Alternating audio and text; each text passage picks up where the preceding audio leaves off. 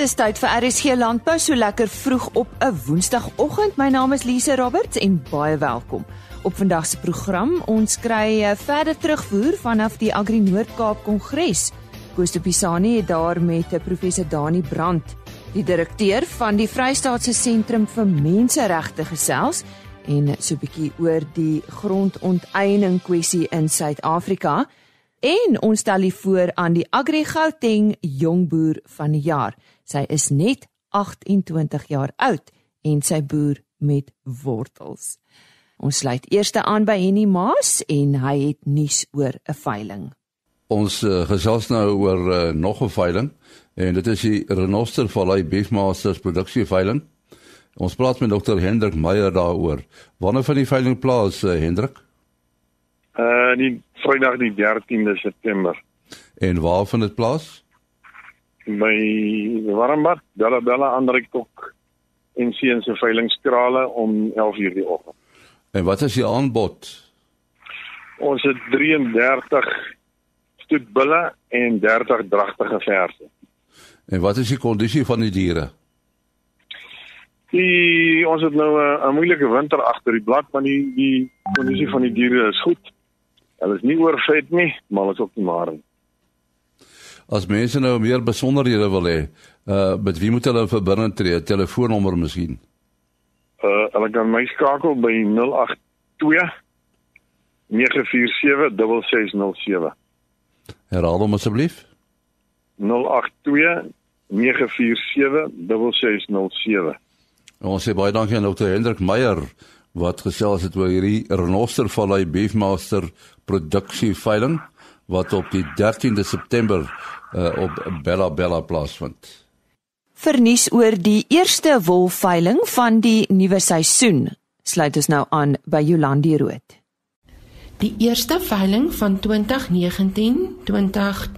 wolseisoen het vandag plaasgevind met 'n aanbod van 8634 bale waarvan 81,8% verkoop is.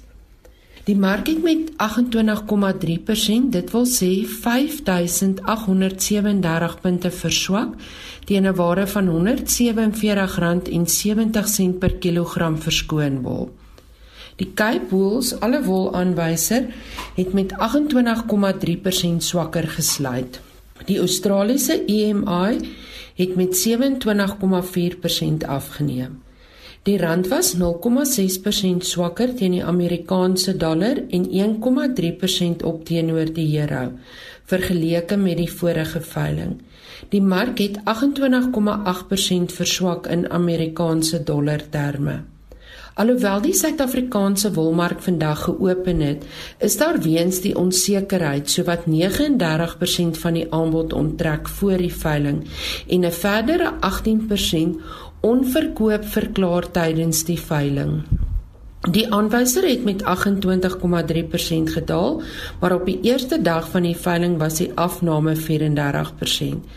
Die Australiese mark het donderdag verbeter wat gunstig was vir die plaaslike mark. Daar was goeie mededinging vir goeie lang wol met premies vir RWS geakkrediteerde skeersels.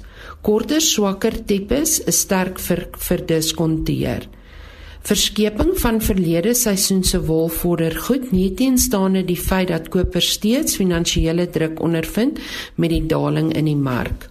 Alle aanduidings is dat die marksentiment positief is en markstabiliteit word verwag. Die grootste kopers op die veiling was Standard Wool SA met 2355 bale, Lempriere SA met 1239 bale, Modiano SA met 1132 bale en Tianyu SA met 1028 bale. Die gemiddelde skoonwolpryse vir die seleksie binne die verskillende mikron kategorieë goeie langkamwol tipes was soos volg: 18,0 mikron daal met 23,4% en sluit teen R176,46 per kilogram. 18,5 mikron neem af met 30,5% en sluit teen R160,99 per kilogram.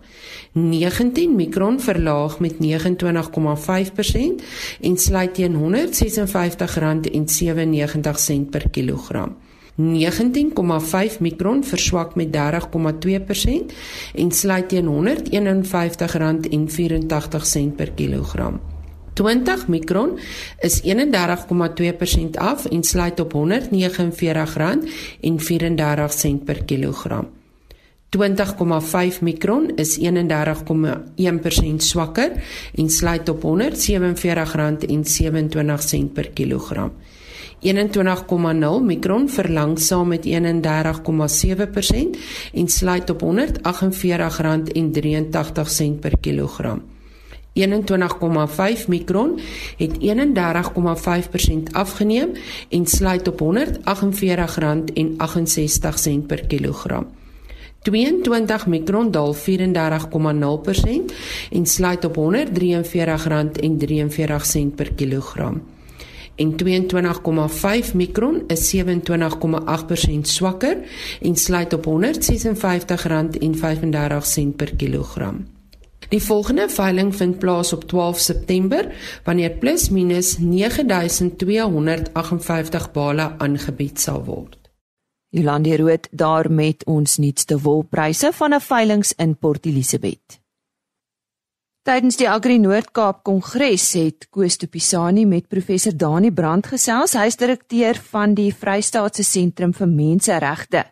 Hy was een van die sprekers en Koos praat met hom oor die stand van grondonteiening in Suid-Afrika en of dit werklik 'n kwessie is waaroor landbouers hulle moet ontstel. Daar word baie gepraat van grondonteiening sonder vergoeding, maar waar is die situasie nou in Suid-Afrika? Ehm um, waar ons staan in die proses op die oomblik is dat ek dink ehm um, uh, almal weet daar is 'n 'n komitee, 'n ad hoc komitee van die parlement wat aangestel is om nou met 'n konkrete voorstel vorendag te kom wat ter tafel gelê sal word in die parlement uh oor die wysiging van die grondwet uh en dit moet 31 Maart uh toe volgende jaar moet hulle hulle verslag aan die parlement voorlê. So ons kan verwag dat mense dalk 'n ferme voorstel op daai stadium sal hê. En uh, ek dink mense kan aanvaar dat die inhoud van daai voorstel sal eintlik uh, nie nie enigstens drasties wees nie. Die wysiging wat wat oorweeg word deur die regerende party tans ehm um, is uh, is 'n wysiging wat gewoon ten doel het om soos ter die die regerende party dit stel om eksplisiet te maak, uitdruklik te maak dit wat implisiet in die grondwet tans reeds is. Wat is dat nog altyd in gevolge artikel 25 van die grondwet kan nie staat eiendom by jou neem by wyse van onteiening uh teen die betaling van nie geen vergoeding nie, maar teen die betaling van nul vergoeding. Uh dit beteken die staat kan onteien.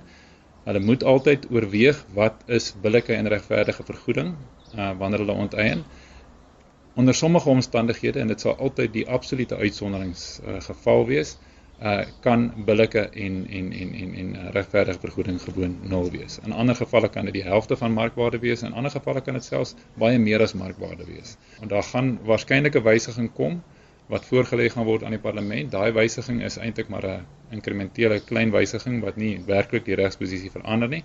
Die groot vraag uiteindelik gaan ook wees of uh watter voorstel die regerende party mee vorendag kom in die parlement of of die parlement dit gaan aanvaar.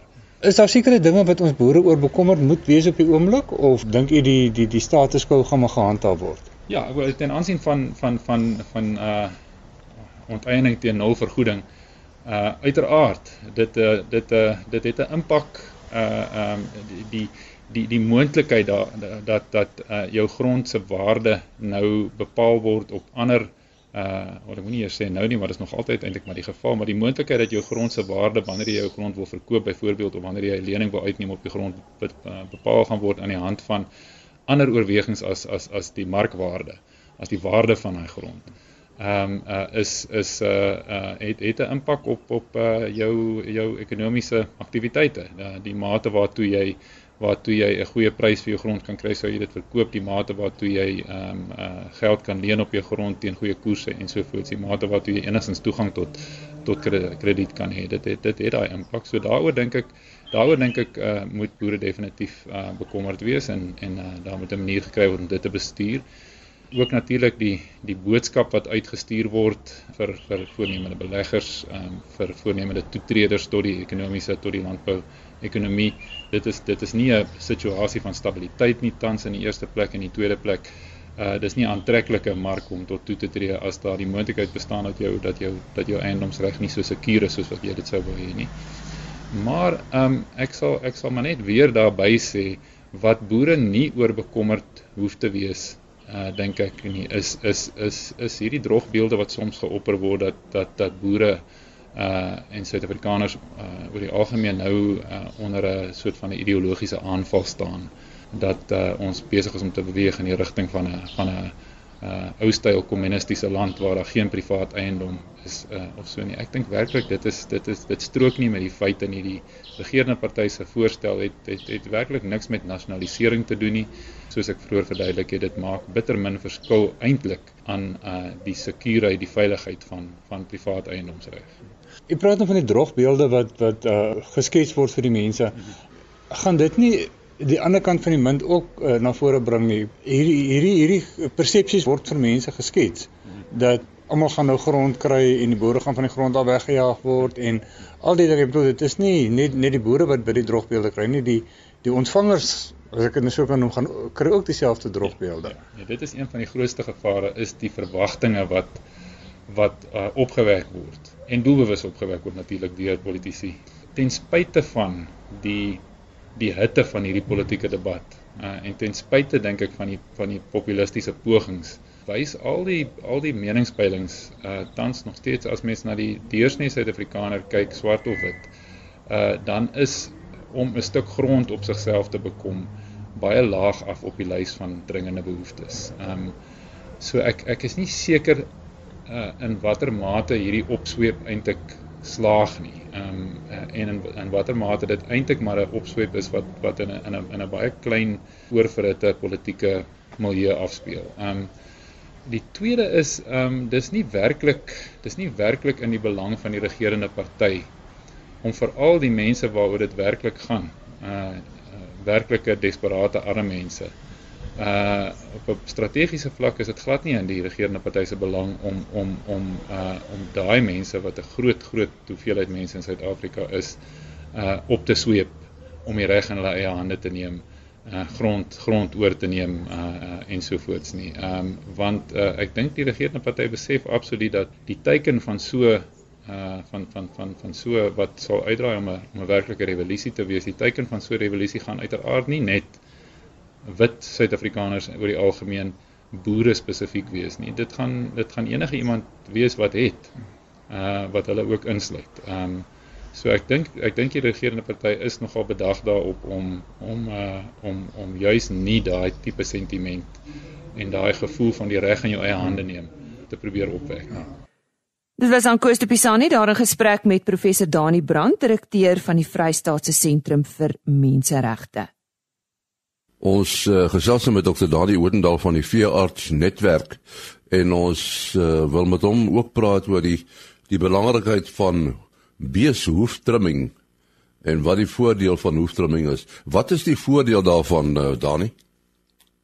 Kyk as ons praat van klouversorging en melkbeeste, moet ons verstaan in elke bedryf is daar sekere siektes wat 'n baie spesifieke probleem vir daai bedryf is. Nou mankhede en mastitis is twee van die siekte probleme in die melkbeesbedryf wat jy nooit uh daar's altyd mankhede en altyd mastitis uh teenwoordig. So dit is 'n ding wat jy moet bestuur en jy moet hom bestuur op 'n vlak waar hy aanvaarbaar is. So die eerste ding wat ons dan moet kyk met mankhede as ons na klouversorging by einde van die dag praat is om te kyk wat se verliese plaasvind ten opsigte van mankhede. En daar's basies 3 kategorieë. Die een is direkte verliese, indirekte verliese en dan ook die welsyn van die diere. So as ons kyk na direkte verliese, uh die negatiewe effek op melkproduksie self en dit is gewoonlik as gevolg van 'n verlaging van voerinname omdat hierdie koeie minder tyd spandeer op hulle voete. Hulle is meer geneig om te lê en te rus en eet minder. Hulle kom laaste by die bak veral in 'n volvoerstelsel, maar ook in 'n veidingstelsel wil nie genoegsaam loop en om kos in te neem nie. So dis direkte verliese op die melk self. Jou indirekte verliese is dan ook op vrugbaarheid. Uh die diere wil nie graag hitte wys as hulle as hy pootseer is nie, wil nie stil staan nie.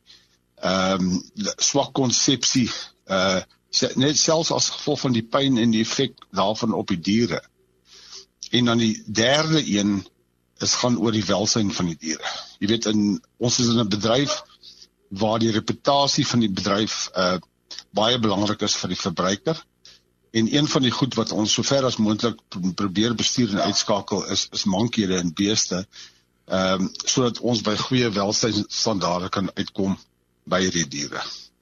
Nou nou dan net die die hoeftrimmer en die en die veearts, hulle werk seker nou saam. Kyk hulle werk baie nou saam. Uh albei daai is nou is professionele mense wat op 'n gereelde basis op die kinne kom. En as ons kan kyk na mankhede weer eens moet ons by die punt kom waar ons sê hoe groot is die probleem op ons spesifieke plaas. Dis altyd maar die beginpunt. Hoe betrokke gaan die uh persoon wees wat die hoewe moet kom versorg, hoe betrokke is by die is die veearts. So die eerste ding is om te bepaal hoe groot die probleem is en ons het 'n baie eenvoudige skaal. Ons het 'n skaal van 1 tot 5. Uh waar volgens ons mankhede bepaal, een is normaal, geringe mankheid, matige mankheid, mankdiere en erge mank, mankheid. En volgens daai skaal moet ons dan een of twee keer per maand die diere deurgaan en 'n persentasie bepaal waar volgens ons dan 'n besluit moet neem, uh moet ons meer aandag aan gee. Wat dit gaan ons gaan kos, wat die voordeel gaan wees. So al hierdie goede kom dan ook teen 'n koste-voordeel verhouding.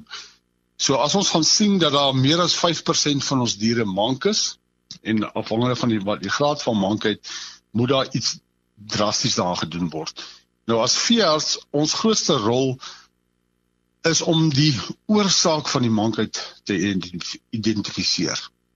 Uh daar's twee hoofoorsake van mankhede. Die een is infeksies, so dis siekte veroorsakende organismes wat of tussen die kloue of agter die kloue of selfs dieper diep infeksies uh 'n probleem kan veroorsaak. En dan aan die ander kant is daar ander faktore wat hoefletsels veroorsaak. Heeltemal ander faktore soos die loopgange van die beeste waar hulle staan en wag, die hantering van die beeste. Jy weet as 'n bees op sy poot staan en hy word vinnig gedraai, hy word sleg gehanteer dan kraak 'n deel van sy hoefrand. So daai is twee hoof verskillende uh benaderings en daarvolgens moet ons dan besluit is ons voorkoming hoofsaaklik gebaseer op infeksieuse probleem so met voetbaddens en en antibiotiese behandeling van daai voet self of is ons voorkoming hoofsaaklik gebaseer op goeie hoefversorging, goeie loopbane, uh goeie hantering van die diere en ook goeie voeding. Jy weet uh net voeding alleen kan maak dat daai diere sê maar subkronies uh, of subklinies uh, suurpens kry en dit het weer 'n effek op die hoewe, uh baie baie direk effek op die hoewe. So die samewerking tussen die veearts en die hoefsmid moet altyd daar wees. Eerstens om te bepaal wat is die benadering ten opsigte van die probleem op die plaas of 'n kombinasie van benaderings. Uh ek meen daar is voorbeelde van nuwe probleme wat nou in die laaste paar jaar verskriklik sy kop uitgesteek het. Ons noem dit uh, voetvratte. So dit is nou weer 'n hele nuwe uh probleem gewees waar die diere letsel aan die agterkant van hulle van hulle kloutjies kry reg daar waar die kloutjies bymekaar kom en dan brei hierdie ding uit en hy affekteer die die hele poot op die einde van die dag en daai ding moet so gou as moontlik raak gesien word en voorkom word.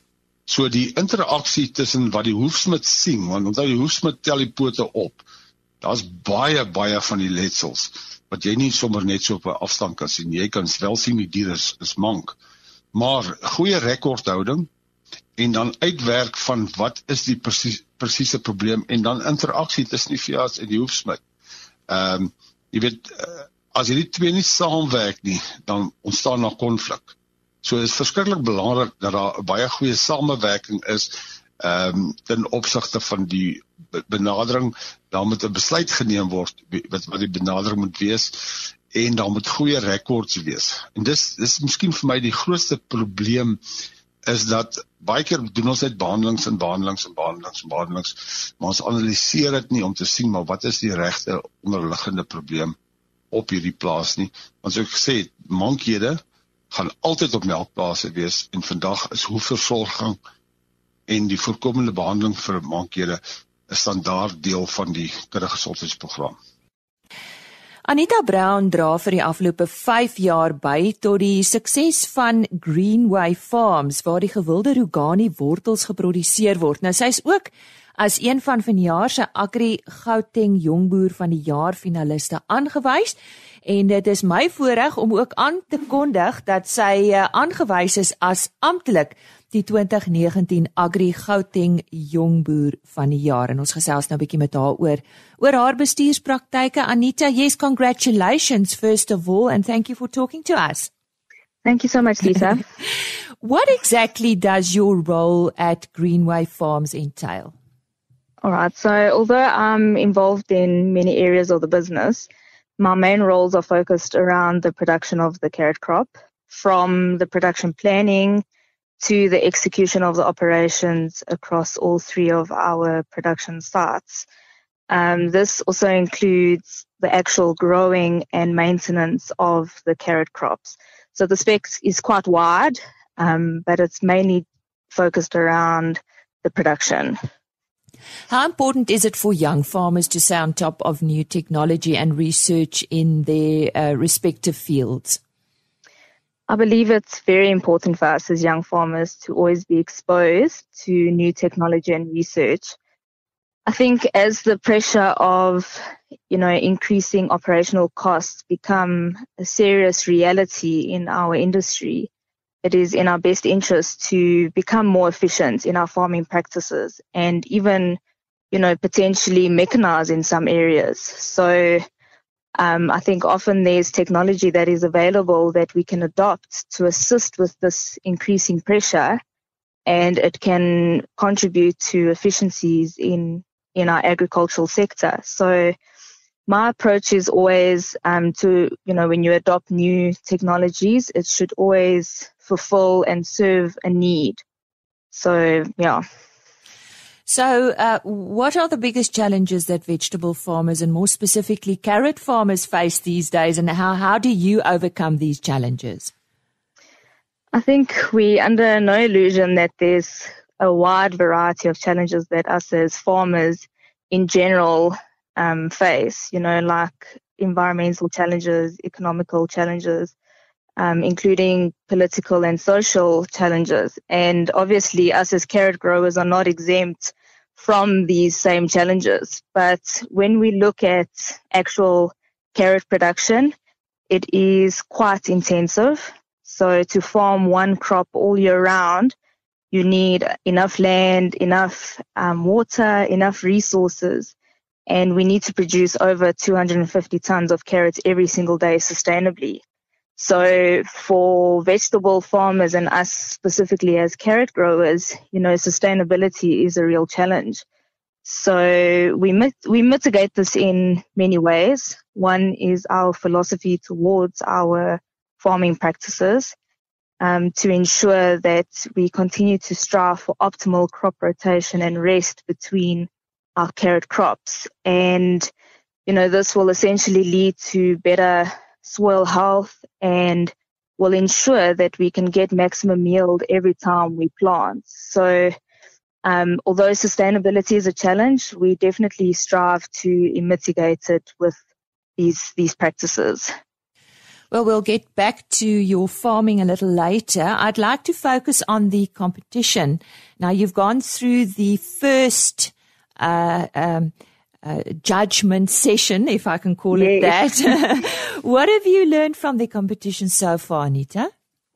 Sure. Um, the first thing that became very clear when, you know, approaching and during this process of the competition was that there is, in fact, so many young farmers out there in South Africa that are stepping up and making huge changes in agriculture.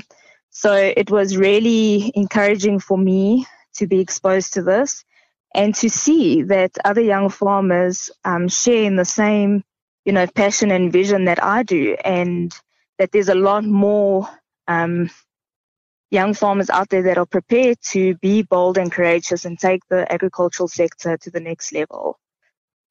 Now, to get back to your uh, successes, what are the management practices that contribute to your success over the past years?